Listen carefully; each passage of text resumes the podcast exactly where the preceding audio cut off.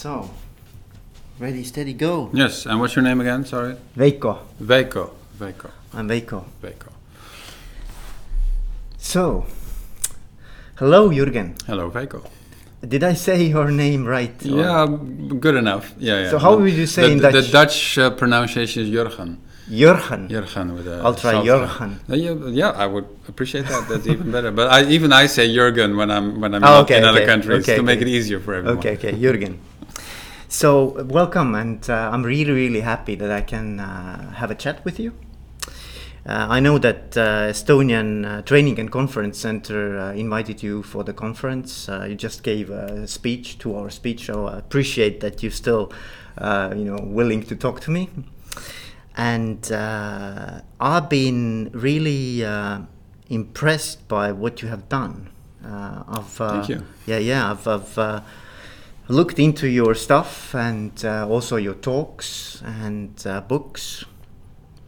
And I would like to talk about uh, those non traditional leadership practices that you are not just advocating but actually practicing in your own company. Yeah. Um, so before we go into that, maybe a bit about yourself as well. Mhm. So I, I'm gonna tell what I know, then you can fill the gaps. I will fill it in. Yes, there could be large, large gaps, there we'll could see. be large gaps. so first of all, you are a software engineer. I, I have been. Yes. yeah. Yes. So also by uh, by education, Yes. Yeah. yeah, software engineer, and um, I know that you you've been a manager. Yeah. You've said that you've been quite bad manager, and Yeah. then within 20 years you've grown into not so bad Mhm, manager. Exactly. and um, I know that you have a very popular blog. I don't know how to pronounce it, but Nol. no up. No up. Dot No, NL. yeah, yes. yeah, Yeah. yeah. And uh, you've also, I think, three or four books. hmm Yeah. Four by now. Yeah. The first one was Management Three- 3.0, Yeah. and there had been sequels. I think the latest is uh, Managing for happiness. Managing for Happiness. So all this stuff is great, Mm-hmm. and you are so happy. I just said before, before I said before we, we started to record, I said that um, I really um, envy you because you can do what uh, what you really like to do, Mhm, even yeah. though you said that you're putting in also a lot of effort. It's uh, both. Yes. Yeah. Yeah. But I appreciate that. I think uh, uh, being an author and speaker and uh, you know traveling around the world, now being in Estonia, maybe tomorrow I don't know where, Mm-hmm. um, that's awesome. Yeah, yeah, it is. Yes, I live a privileged life. Uh, so, as I said, uh, it's, it's part hard work, but it's also part luck. Um, I was born in the right place, right time. I suppose I have a couple of talents that I didn't ask for that are perfect for this kind of Yes. this, this kind of work. There's a lot of things that I'm bad at, but I don't need them for this work. Yeah, yeah, yeah. And and And uh, yeah, so the the hand fits the glove. and, and your your performances are fun. I mean, Thank you. yeah, they're, they're fun, and, and the books as well. So um, let me start by asking you about um, this um, this character, this uh, Melly. So, so you do have a company called Happy Melly. Happy Melly, yes, Yes. yeah. And and what I know is is there is a piece of art somewhere in Rotterdam, Netherlands. yeah. Rotterdam. Yeah. You you're from Rotterdam, Yes, I right? am, yeah. And uh, it's been there 20 years. Yes, yeah, almost 25 now, I think. Yeah. We don't have the picture here, no, but, but, but, I can, insert. imagine. Maybe yeah, I can yeah, insert. Yeah. So this this piece of art that was uh, originally part of an exposition, uh, of a photography exposition, and the, the art piece was created by Ken Lum, a photographer or artist, and he made this big billboard that only says "Melly Shum hates her job." That's it. Melly Shum hates her job, and they put it up there in the street, and people were wondering. What is this an advertisement for? it was not clear, but that was the whole point. Yes, yes. that was the art that people were stand stood Would there. start and to question, right? question it, and, and and she became popular actual actually. And then um, when the exposition was over, they were they were taking down the photo, the billboard, and people asked, "No, can she stay? We people like Melly Shum." so the city council decided that Melly Shum could stay, and she's been on that building, on that wall, for nearly 25 years now. Um, I met the artist uh, two years ago in um, in Philadelphia, U.S., and he, so he told me this story that it was supposed to be temporary, and the girl on the picture is actually called Melly Shum. It's a real person, uh, the student, an art student that he just used for the occasion. yeah. And said Melly Shum hates her job. But but the nice thing is she looks in the camera smiling a bit, but you can feel that uh, she's not happy. There's also something. Yeah, there's something there. She's not happy about the job. Sitting behind a typewriter, smiling because she's supposed to be smiling, but not loving her job clearly. And for me, everyone in Rotterdam who lives there knows Melly Shum hates uh, hates her job. It's a part of, of, of Rotterdam art. Um, and for me, it was like the perfect example, perfect uh, icon to start a company uh, when I decided with some friends that we wanted to help people be happier in their jobs and we needed a name. I said, well, there's this piece of art, Melly Shum hates her job, so what if we try help Melly be happy? so happy Melly. so basically, your mission, maybe mission is a too strong of a word, but your purpose became you know how to make Melly happy. Exactly. Yes. Yeah, yeah. And Melly is still unhappy. She's still on the wall. so there's still work to do. Yes. Okay. And that became a bit of the joke, of course, but also serious because people love the idea that there's an actual piece of art and and, uh, and the stories. It's it's good to have stories as yeah, foundational stories uh, for companies. Yeah. Yeah. Yeah. Yeah. Cool.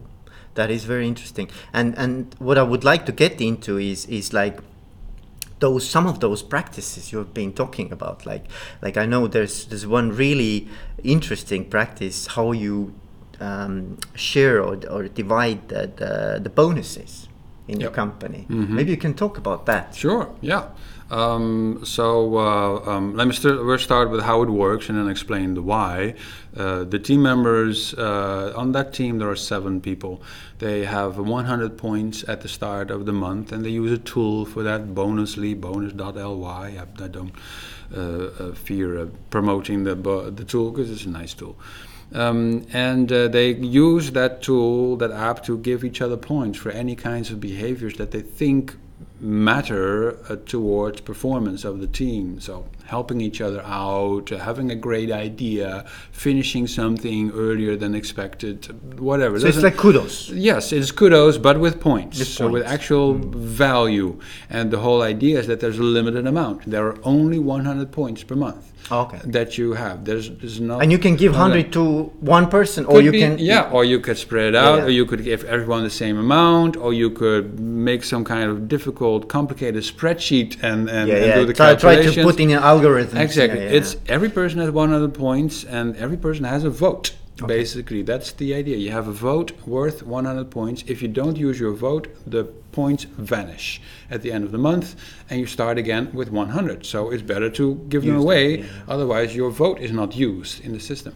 And then people receive points from each other, and those points that you received from others, those are used to calculate your bonus. Mm-hmm. And the bonus amount is decided by the CEO. That was me until last year. There's now a new person leading the team because I focus on a new startup. Um, but the, the, the, the, the manager sets aside a certain amount of bonus money depending on the profits of the of the, of the team. And then uh, we, uh, or the, the team rolls a dice, every month rolls a dice uh, to decide whether that month the bonus will be paid out. And then it's a simple calculation of available points to uh, available money in the right percentages, the right uh, ratios. Um, and uh, only when the team rolls a six, uh, they pay out the bonus. And no six, no bonus. It just the bonus rolls but, over to the next month. Okay, so it's like it's, a lottery. The pot like, gets bigger, it's bigger, It's bigger. like a jackpot. It yeah, grows yeah. bigger and bigger. And uh, the, the, the, the the aim or the purpose is that they cannot predict when the payout happens. Because when people can predict it, then they will spend the money before getting it, and that can lead to demotivation when it is less than expected. And so it has all kinds of side effects those mm. predictable bonuses they basically become entitlement basically. Yes. people expect them. Yes. And then it's not a bonus anymore. So that's why we keep it random and there's also a dash of playfulness as i've taught people there today. you, you, need to do some things that are playful that are fun and this team they, they think it's their own little las vegas casino that they have that they have every month. Every every month there's a chance of, of winning a bonus and it gets bigger and bigger every month so that makes it more exciting Um, so that's uh, the fun, the fun part. but it has a serious uh, reason for, for doing that. Make it not predictable when you get it. Okay, and, and, and the part that actually team members can assign points to each other, I think that's also very clever, because usually what happens, in, this is my my experience, is that the the bonus is usually the, the idea behind bonus is to reward excellent performance, right? But what people or, or usually the staff um, conceptualize the bonuses that that they already think that I should get the maximum or, or close to maximum. Mm-hmm. If I get less, it's almost like it's like um, I've been punished. It's a punishment. Yeah, yeah, yeah, But but it's like a totally different yes. viewpoint, right? Yes. Yeah, yeah. That's that's very well known in in performance management literature. Once you start handing out bonuses, then people see them as expectations exactly. because they feel entitled. Exactly. They feel that they perform better than than others, which is not true. But that's how the human brain works. So they feel that they are entitled to that bonus, mm. and then not getting the bonus is a punishment instead of the reward, which was, was the intention. So this is very hard to make it work well. Yeah, yeah. And this is the best system that I came across. Again, I did not invent it. I tell everyone I steal most of the practices from companies that I find inspiring. This was what I saw. It was described first at Shopify.com, Shopify. I believe, a large organization with a few hundred people where they did that for a good number of years. They gave up on it because it became too large, the company became too big, and then it scales up to certain few hundred people perhaps, but then it starts breaking down because every good practice has side effects, and in this case, with this practice, the the, the people with jobs that are visible tend to get more points than others. So the receptionist, for example, or the office manager, he or she knows many people and then has a tendency to get more points than others, mm. just because of the role that they have. Yeah, yeah. Um, so that aside, um, it works fine for small teams and, and, maybe up to 100 people or something. Um, uh, you can definitely consider it. And what I find important is the thinking behind it as I always often say, you should try to manage the system and not the people. So instead of me as a manager deciding who gets how much, um, while not knowing most of what is going on on the team, always perceived as uh, you know unfair, unfair. Yeah, then then people then one thing that I achieve is that everyone is going to hate me. Exactly. for not doing a good yeah. job distributing the money. I don't want maybe not only me. the one person who gets the the, the highest bonus, yeah. right? Yeah. So because everyone's going to disagree with how I distributed the money, yeah. I don't want that that kind of friction. Uh, so the only thing that I do is I manage the system. I put this in place, I explain the rules, and then it's up to them to give each other bonuses. And if, if they have suggestions for how to improve it, fine. Like, for example, the Happy Melly team recently made a change after 12 months, they still had not rolled a six. okay. And so the, the jackpot was piling up and then uh, it starts becoming a lot of money uh, yeah, by that yeah, time, yeah. and that's and then it gets serious. Yeah which is uh, which is a, something that we did not want because we wanted the bonuses to be small. And on average the payout should be uh, twice per year but of course statistically it can happen that it takes more than a year so they said okay new rule after 12 months it becomes a 6 or a 3 okay just increase the chance yeah i understand we I have understand. to flush the, we have to flush the jackpot yeah, I understand. And I thought, oh, that's a great idea yeah, by not? the team. Why yeah, yeah, why not? yeah, they came up with it. Yeah, of course. So they helped me improve the system. Nothing wrong wrong with no. that. Yeah, yeah, yeah. Cool. So so there has been a good feedback on that. Oh yeah, yeah, yeah, yeah. Yeah, the, the team loves it. Yeah. That's They've awesome. been uh, doing it for three to four years now. And then some other other practices, uh, like um, you've talked about uh, bringing team into your house for cooking, for example. Yeah yeah. So maybe maybe a couple of words about that as well. Yeah, sure. Um, I always wanted to do things that are that were human and non-traditional because I I, I, I did not like traditional management practices uh, that were boring, uh, I found, but also not effective. And I thought it was important for people to get to know each other. So I invited random people of the company to my house, like office manager, assistant administrator, project manager, etc. Six people, usually from a big spreadsheet. I just asked them, "Can you come and enjoy dinner with me at my place uh, next Thursday?" And most people said, "Yeah, sure, uh, Yeah. why not?" And then when they arrived, they had to do the cooking because I, I got all the And groceries. they didn't know that. The first time, no. Yeah, yeah, yeah. yeah. then, of course, word got around that you had to do your own cooking at Jurgen's, uh, Jurgen's place. But actually, people loved the idea, and then they, and then uh, they said, "Hey, when is the next time you organize dinner? Because I can cook uh, quite well." so they were asking to be selected, and I did that six or seven times. But the idea was, I got people to my house. Everything was ready. The recipes, usually from Jamie Oliver cook, cook, cookbooks, because they were easy enough for people and always taste great. Uh, so I had copied recipes and had let them figure out who does what, who does the dessert, who does the appetizers. I didn't care. I just poured the drinks and prepared the table and put the music on and be the host. Yeah. Uh, and it was also for me nice because I could have a conversation with my guests while they were all cooking in my kitchen, having a Awesome. great time and giving each other instructions. No, you should not cut the garlic like that. You should do it like this. And I'm okay, whatever. as long as they don't damage the equipment, I'm fine. and that was uh, yeah, that was a great success. We did it six or seven times. Actually, uh, recently one of my former colleagues uh, reached out to me and said, "Hey, can you do you have a description?"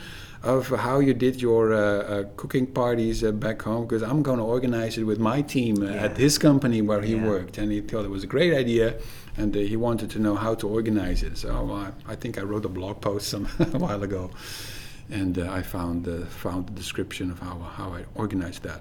So the idea behind it is that, that people get to know to each other on a different level. Yes, and for me it was also in in departmental, so I had people from different departments. That was nice for them to work together for- Exactly. on cooking, because Yeah. normally they would not work together in the company. And then enjoy the meal. and then enjoy the meal Yeah. uh, that they made that they prepared themselves That's awesome idea. and that was yeah very nice and i happened to have a kitchen that was useful because that was a, a big open kitchen everyone could stand around you could six people Mm. easily could cook together uh, so of course the, the logistics need to work out um, but um, yeah that was popular and uh, as i said six or seven times I, I did that Mm.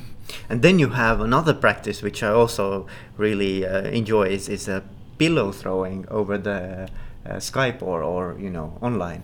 Uh, virtual pillow fights. Pillow fights, yes, virtual okay, pillow fights. Ah, yeah, yeah. That was actually something that uh, one of my uh, team members came up with. Okay. Because uh, every now and then, uh, well, there are like on any normal team, there can be some friction, um, and uh, these things have to be discussed when there is some there is a problem. And what I don't like is when people on a team come to me to complain about somebody else, and then ask me to go to that person and Yeah. say, well, that somebody on the team has an issue with some of your behaviors. And I feel like, my God, you're adults. You can Yes. talk about it. I mean, if you cannot talk about it, address these things, you're, you're, you're kids. I want you to be professionals and just address the behavior. And there are techniques for that. There's nonviolent communication and, and, and other techniques that you can simply learn uh, uh, where basically you say, well, I saw that this happened, this kind of behavior, that is a fact, anyone can see that, and this is how it made me feel Yeah. uh, sad or, or disappointed or, or, or angry, whatever. Uh, so, um, and I kindly ask you, can we can we have a different kind of behavior so that I feel better? And is there something that I can do to make that new behavior possible so I can help out? And that is a very non-violent way of communicating that something needs to change. So you can apply that in a peer-to-peer fashion with a team. And one of my team members said, because we have a remote team, a virtual team, uh, that we organize uh, a video conference, a video call, and organize it uh, and call it the, the virtual pillow fight, uh, where we just uh, throw pillows at each other, basically, very soft. but it is uh, it is uh, something tangible. Uh, so like, look, I, I, saw this happening, and this is how it made me feel, uh, uh, not not good, and um, can we work to to change this? And that works remarkably well. Yeah. Okay. So so it's basically just getting things or the, the, the unsolved or unfinished business Yeah, on the table. On the table, discuss it. Uh, we're adults. We should be able to address these things. Mm. And uh, yeah, they, uh, they, there have been some uh, some very good and some emotional uh, uh, pillow fights. Like I remember one where someone, a new team member, was basically uh, invading other people's territories, and they were they didn't like that. Because he was with best intentions he did work that others liked doing that they had always been doing and then suddenly saw that it had already been done and that what i always did that Yeah, yeah. and yeah the person thought he was helping out but he was just So, so it's like boundaries, like yeah, exactly Uh, look uh, yeah, I'm, uh, I'm, i love you over there but this is my stuff yeah, yeah, yeah, yeah, Don't cross my boundary. yeah, exactly. I, I like doing this work, and now it's already done. yeah, so yeah, yeah, yeah. I, I can understand that people would like to clarify those boundaries. I, saw that you did this work. I had already done that work Yeah, in the past. yeah, Um, next time, could you could we have a discussion on who does it, so that I'm not confronted with the fact that it's already done when I was about to begin on, on the on the task, yeah, and and now f- and feel uh, slightly demotivated. And he was like, "Oh, I didn't realize. Yeah, of yeah. course, yeah, no problem. Of course, I, I it's thought- an awareness, right? yeah, it was just awareness. Just thought it was helping out, no problem whatsoever. And this is what adults should be able to Yeah. deal Yeah, with with each yeah. other, and um that's uh, yeah, that we call that the, the, the pillow fight. That's awesome. That is awesome. Um, and then what I really liked also was uh, the the exercise of personal mind maps or personal maps. Mm-hmm. So people get to know each other on a different level as well. Mhm, So, yeah. so how that, that does that work? Well, uh, with a remote team or a virtual team, you need to have explicit uh, rituals in order to get to know each other a bit better. And uh, um, one of them, we have multiple, but um, one of them is drawing a personal map, a mind map of yourself. You just write your name in the middle and then fill the page, uh, usually on paper, but you can do it electronically as well. Just fill the page with anything that comes to mind, whether it's family, hobbies, your goal in life, your your education, uh, whatever. Doesn't matter. Whatever is important in your journey. What's important for you as a person? That that yes, um, and then uh, you offer that picture, that A4, to your team, and then they can ask questions about it. And then what you will know notice that mostly people are not very interested in the previous projects that you worked on, but they want to know the names of your kids. yeah, yeah, personal. and yeah, uh, yeah. yeah, the personal stuff and what and your hobbies, and then they see things that resonate. Like you also like science fiction and fantasy. What's your favorite author? Mm. And uh, so they they usually connect to stuff Yeah. that that resonates on uh, with um, with the other team members.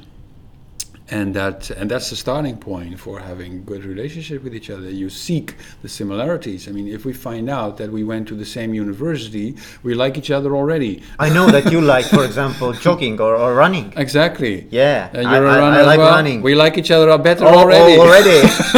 yes, because there's this connection. We have this one thing in common. Yeah, yeah, yeah. And that is what people need. And and having a personal map uh, allows people to see the connection. You have two kids as well. Me, me too. They're Yeah. about the same age. Oh, and then they're going to talk about the kids and the experiences of people of, of kids in that age range.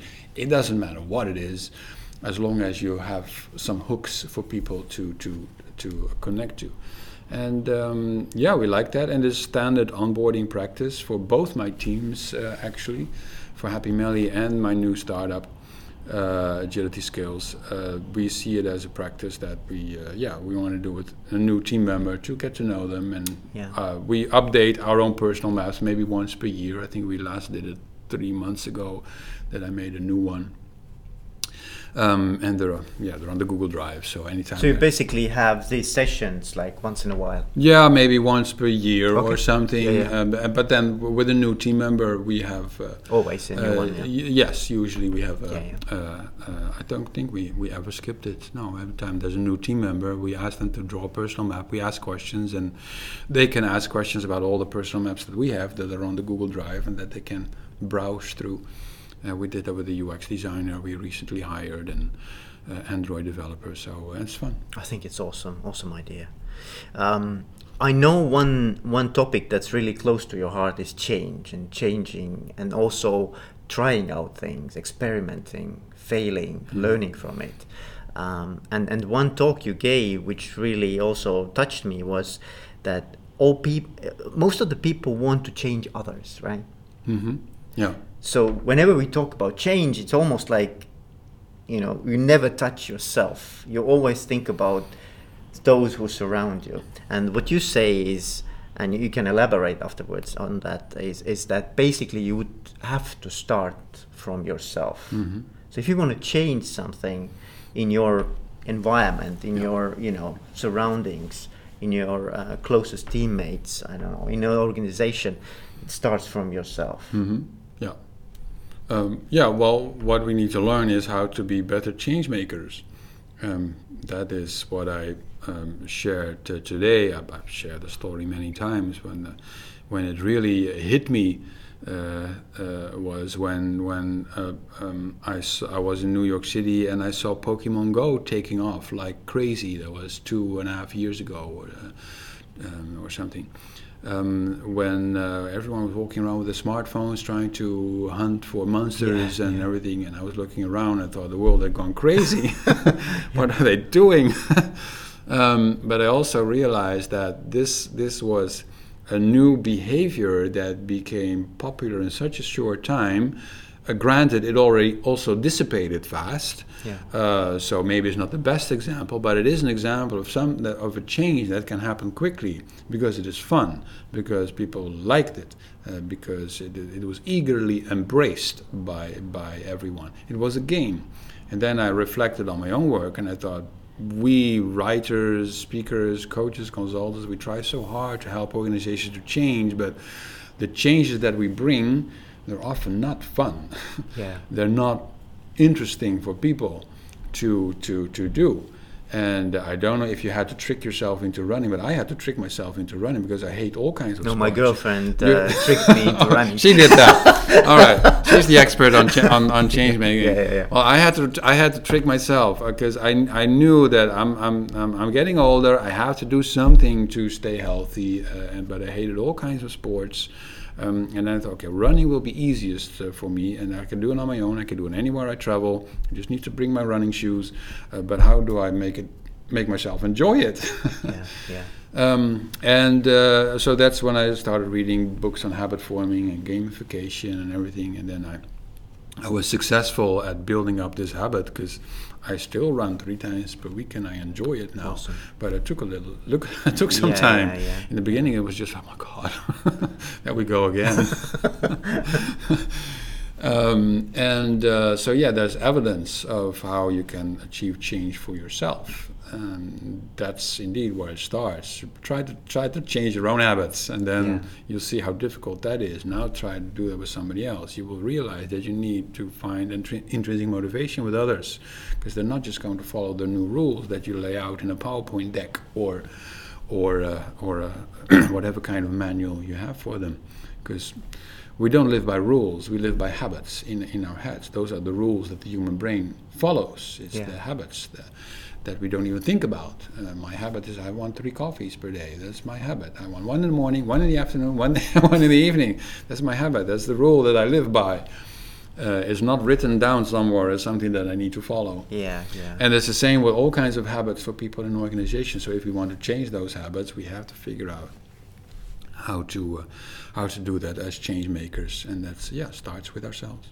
Yeah, and I, I really liked also one of your slides um, today, which said that the um, it kind of connects to that because it says that uh, the the organizational culture is defined by the by the worst behavior that the leader uh, tolerates. Yes, yeah, and I think it's also like maybe you can like rephrase it that that the worst behavior that the leader espouses himself or herself as oh well. yeah, sure, yeah, for sure. Yeah, I really like that idea. Yeah, yeah.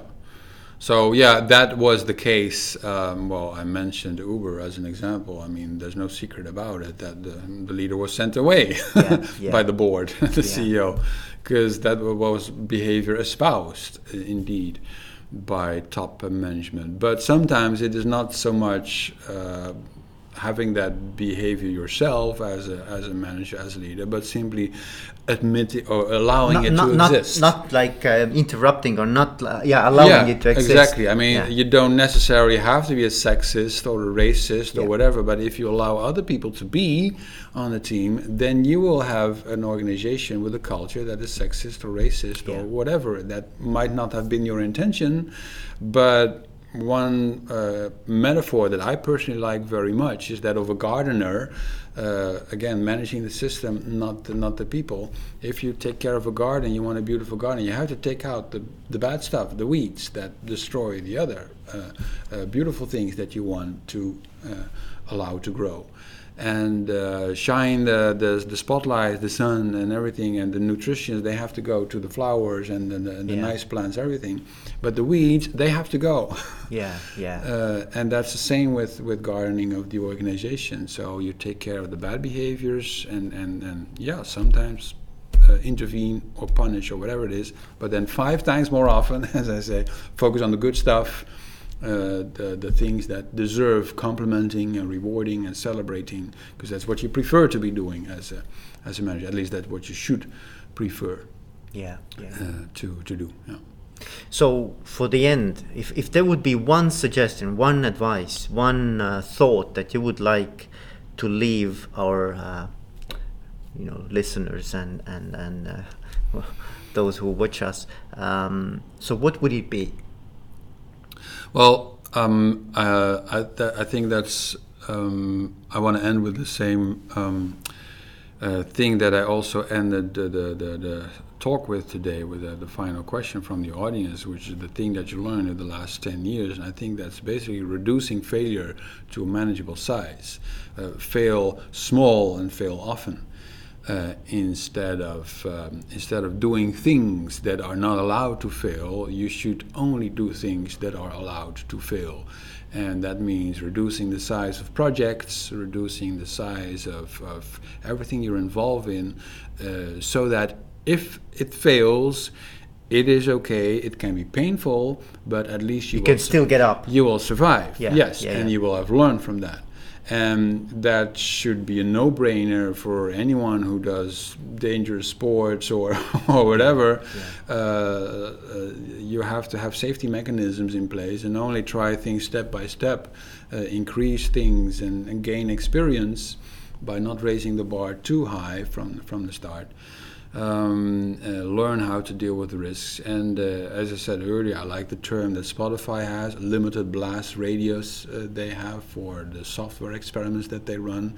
They have an architecture with their desktop uh, apps and, and, mobile apps that ensures that whenever a team, a software team, is experimenting with a new feature, when the feature fails, it explodes only in a small way. Yeah, yeah, yeah. it will never. There's no domino effect. No, it will yeah. never, it, or it should never take the entire system down. Yeah. Uh, they they try to organize things like like. So it's contained. It is contained. Yeah, exactly. Yeah, yes. Contained failure. Yeah, yeah. Is also how to, what you could. Uh, but I really like also that you you you're. Um, propagating this 50-50 um, uh, kind of let's say the probability that it will yeah. be successful, or, or, failure. failure. Yes. Yeah, yeah. There has to be somewhere near the 50-50. Then you learn the most, right? Yes, that's what uh, science says. That's what information theory says. As I have learned from from the books. Uh, is uh, when you run experiments, the optimal learning rate is when you have 50-50 chance of succeeding or failing. That is the, the optimal uh, rate of information transfer. Um, no, I'm not a scientist or information theorist, so that's the the level where where yeah, my understanding yeah, ends. Yeah, but I, I, I, completely understand it at the at the intuitive uh, level. Uh, yes, of course, that's why we run experiments. Uh, to see if things work or, or not. If you already know that 90%, 99% chance is not going to work, then often we don't even bother to run the experiment. We change the experiment in such a way that there's an increased chance of succeeding or, or failing. And um, we have to do that as not only as software developers with the experiments that they run, but also as managers and leaders. And that has been my life for the last 20 years, I think. I tried lots of things and uh, I, I mostly show stuff that worked, but also the, the plenty of things that did not work and that I had to give up on and then try something else. Yeah. yeah. So thanks, Jürgen, for taking the time. I really appreciate Thanks for inviting. Yeah. And, uh, you know, have a great journey wherever you go. I will go to many places, I'm sure, including uh, Tallinn. I'm quite sure I'll be back yeah. sooner. Have you been later. in Tallinn before? I have been twice or, or three times. Okay, uh, yeah, cool. yeah. It's not the best time right now, but it's uh, mm, uh, similar to uh, Dutch winter weather, I would say. yeah, yeah, it's it's kind of um, you know Yeah. moisty and moisty, nice. wet, cold Yeah, yeah, yeah. Uh, between. Yeah. Okay, so Thank thanks, you. thanks, Thanks. thanks, Jürgen.